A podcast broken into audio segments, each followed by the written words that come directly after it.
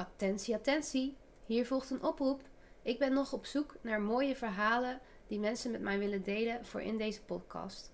Ik ben onder andere nog op zoek naar mannen waarbij de familie aan het pushen is om wel kinderen te nemen, mensen van kleur en uit andere culturen, een situatie waarin de partner wel kinderen wil, maar jij niet, iemand die wel wil, maar vanwege gezondheid of andere reden toch besloten heeft om kindvrij te blijven.